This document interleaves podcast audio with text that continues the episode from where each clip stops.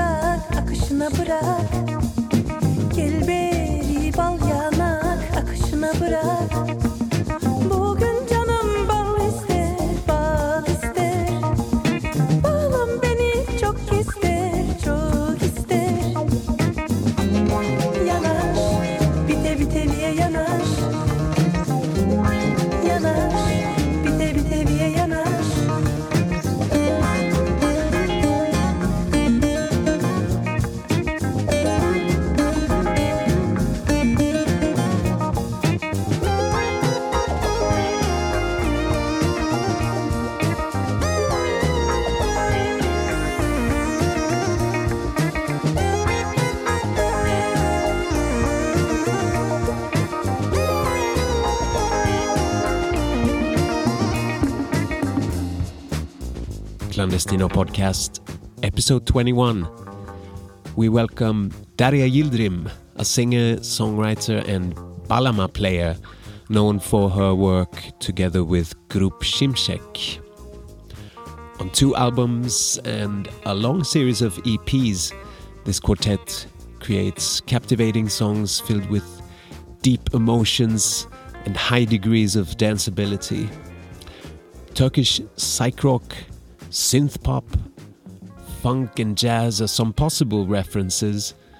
A fundamental part of Grup Şimşek's music, however, is Anatolian folk music.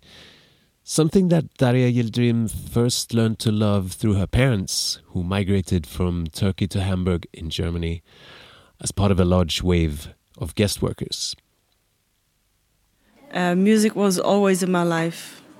Um, I was surrounded by music enthusiasts, uh, like my parents, and also the environment I grew up. Um, yeah, I was basically born into this music world, basically, you know. So, your family were musicians?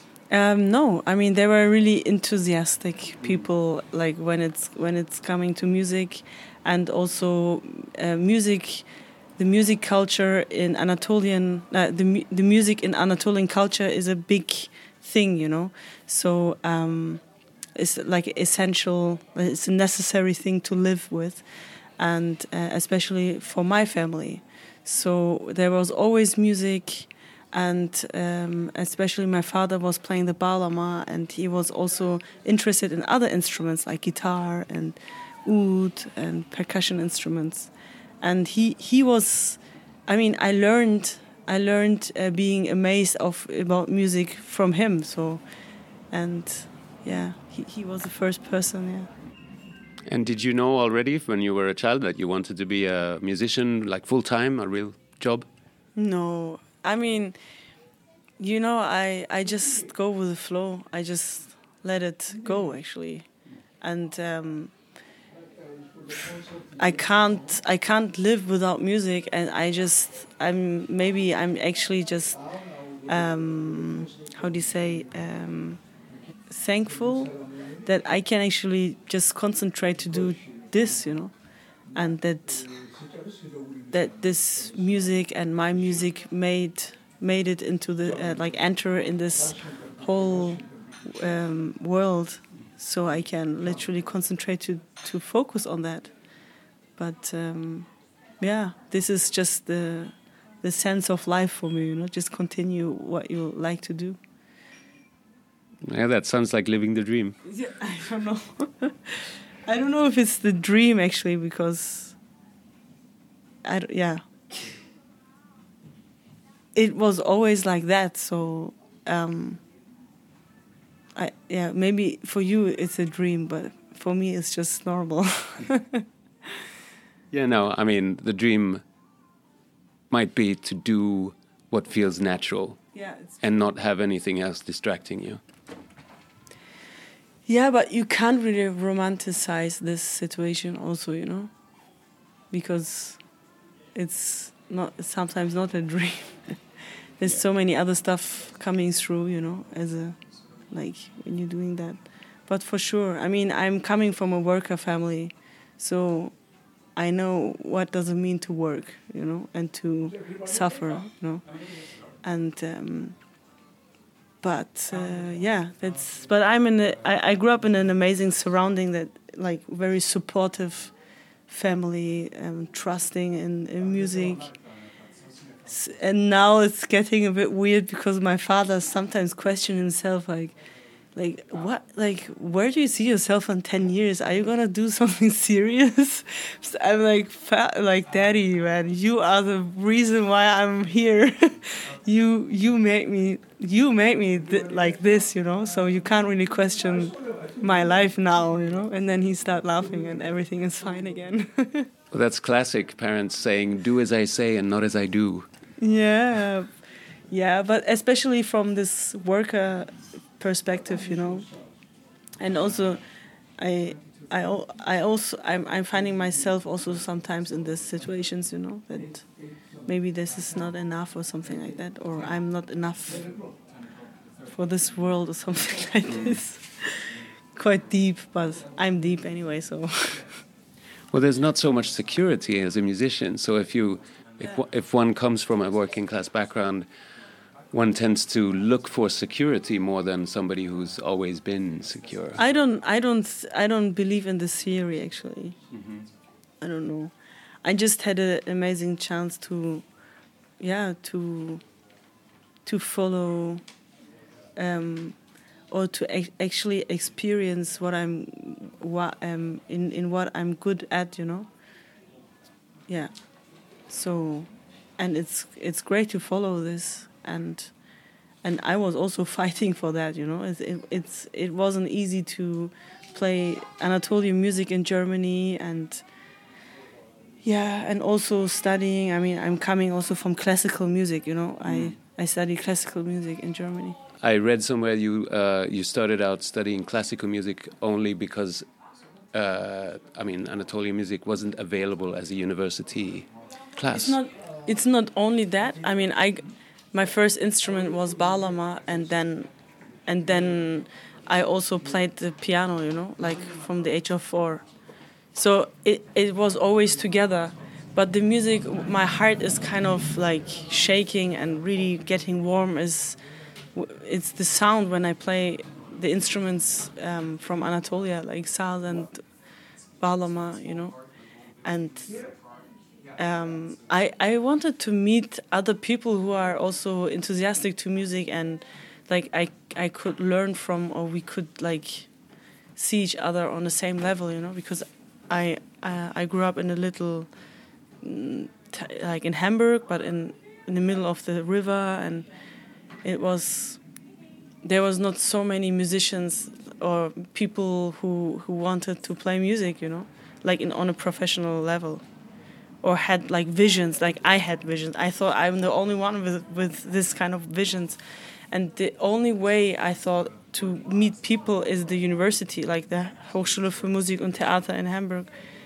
And to enter in this to go in this school i i had to choose actually an instrument you know? And the only instrument i i was good in and it, was and it's classical it was piano so I studied piano not because it's there is no saz or something in the it's just because actually to to meet these people I see. and I was literally hanging with the jazz with the jazz people anyway you know in the end so yeah So that was your uh, sort of your step towards making music, taking music more seriously, and trying to make it a career and finding the right people. No, I mean the thing is how you how you saying it is like it's like a step. It's like a it sounds like a list or something. You know, you go there to do this and that. I'm not that. You know, mm-hmm. I just wanted to actually meet people with with the same vision. You know, mm.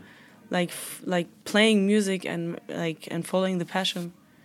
And this is why I went there. And then I didn't even finish. You know, mm. I quit after four years because in Berlin they opened uh, they, they they opened this department of studying Bağlama, and that was actually my dream. You know, my dream came true, and they they opened it because I I was um, applying for so. I had to go, you know. So, you that's- created that- it. That's that's that's what I mean. I'm just going with the flow, and when the door is gonna open, and I'm just gonna enter, you know. Yeah.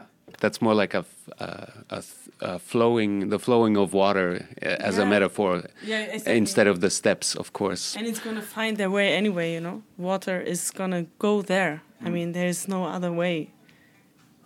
You're a very sharp and critical listener, I can tell. There's no fooling you into uh, metaphors of my choice. No, I don't know.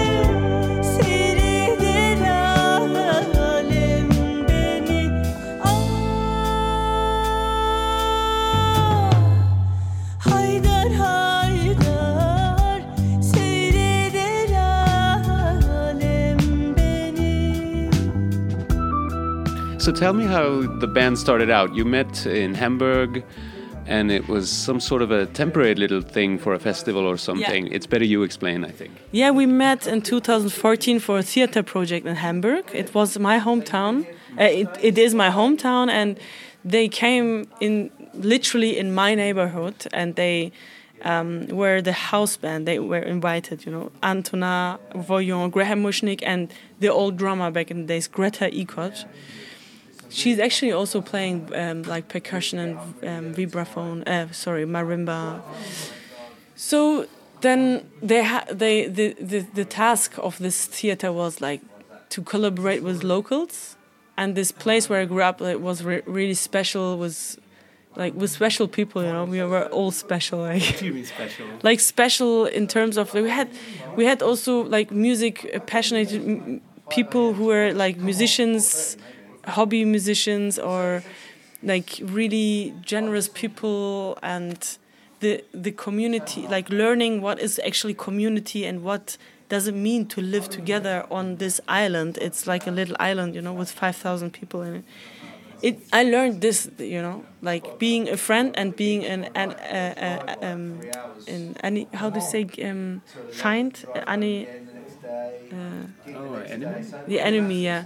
Like you learn what is life there. You know, you I, I really learned the life in this little place. You know, and um, I was one of the locals. They they should collaborate. They they had to uh, collaborate, and we wrote some music and we we we orga- we um, rehearsed a show for that festival, and then this and after this festival when it, it was finished we really wanted to continue.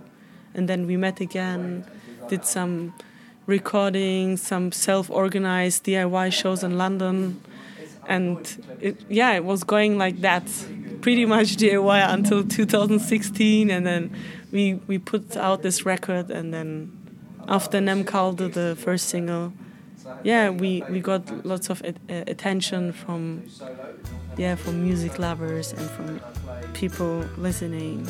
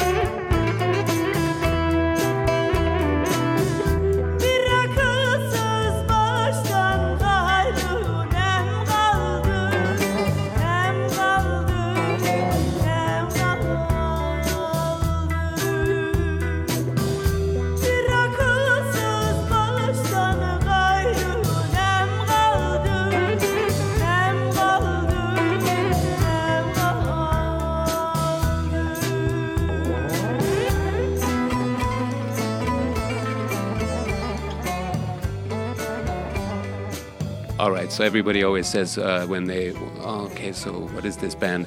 Oh, it's you know, it's a kind of uh, retro uh, Anatolian psych folk rock, uh, blah blah blah. And uh, what's your take on that? I can, I think I can think of also many other sort of flavors in your music. Yeah, of course. I mean, it's nice that you're saying that. that you can also think about other flavors. It's it's all about having um, like different musical backgrounds together in one. You know, I mean, this band knows. Like, we met in 2014, and we still kind of building um, a, a thing that it get it's it becoming one. You know, we always want to be one like but with our different backgrounds and that's what what is really interesting and also the thing with this reference to the to the past yeah i mean for sure for sure i i really like this the the grainy and kind of dirty sound with some like modern elements with shiny vocals and I don't know some like 21st century production thing, you know. And this is actually our vision, and it's not the whole principle of the band is not actually um, having the 60s as a reference, even though I mean we love this, you know. This is the music I'm listening the most, I, I think.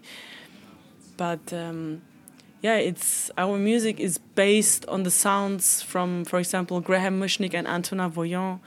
They they always used to um, have combination of like instruments and amps and whatever, which refers to the sound from then.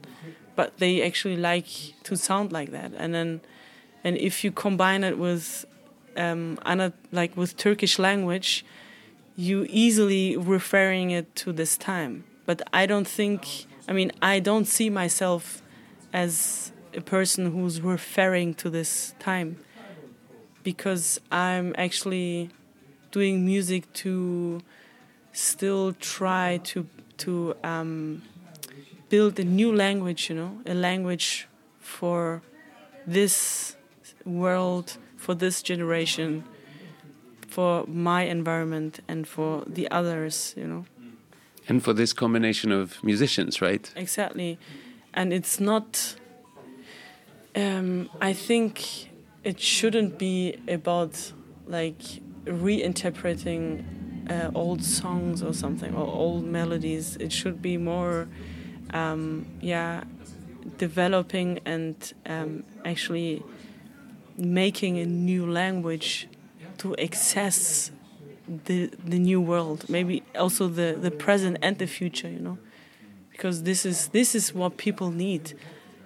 If if you wanna I mean, there's so many amazing original songs from back in the days. You know, just just put some records on, man. There's so many seven inches of this music. Just put it and listen, and you. No one needs to do the same exactly the same again. You know, that's why I don't like to refer to get refer. You know, to have a the pure pure reference only to this time you know it's it's it's something new. And i think if people listen to my music they will understand me a little bit because it's going towards that. And i think the future of Grup Şimşek is going to be something else.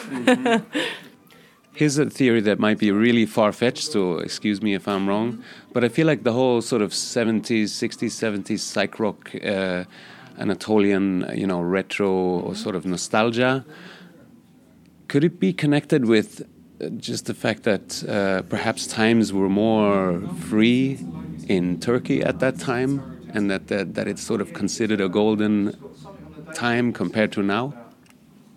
oh I don't- i don't know actually i i need to dive into history more to to um to reply to this actually the time was really special in a way like musically because um there there was a combination of western elements combined with anatolian melodies you know? And this wasn't happening before. So this was the very very first time playing with um, Western instruments like guitar and the first synthesizers, you know. So there's like a Like- curiosity and excitement. Yeah, and like the first people they who did that, they, they they're also still alive, you know. And actually, I played with one of those people, with the bass player from Barış Manço, um, Ahmet Güvenç, and Cahit Berkay is the front guy from Moğollar. They are like basically the first psychedelic bands from Turkey, you know. So it's really, I mean, the vibe is still there in the air, you know. Um, it's just what I said. Like we have to bring this somewhere else because it's it's not the future, you know, to refer always to the to the past. We are here and we have to make a new language to access the, the present, you know, and to build the future.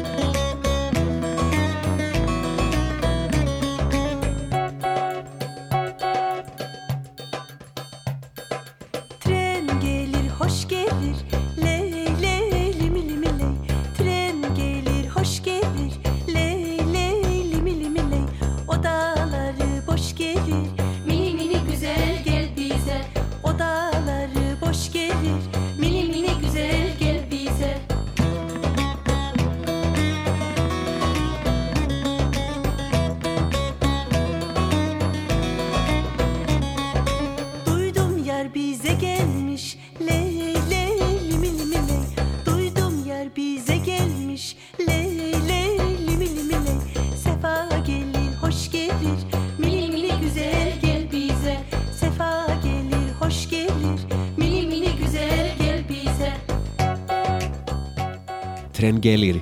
And this song is from an album of children's songs recorded by Derya Yıldırım and Graham Mushnik. Find out more about Clandestino Podcast and Clandestino Festival and about our concert series at clandestinofestival.org.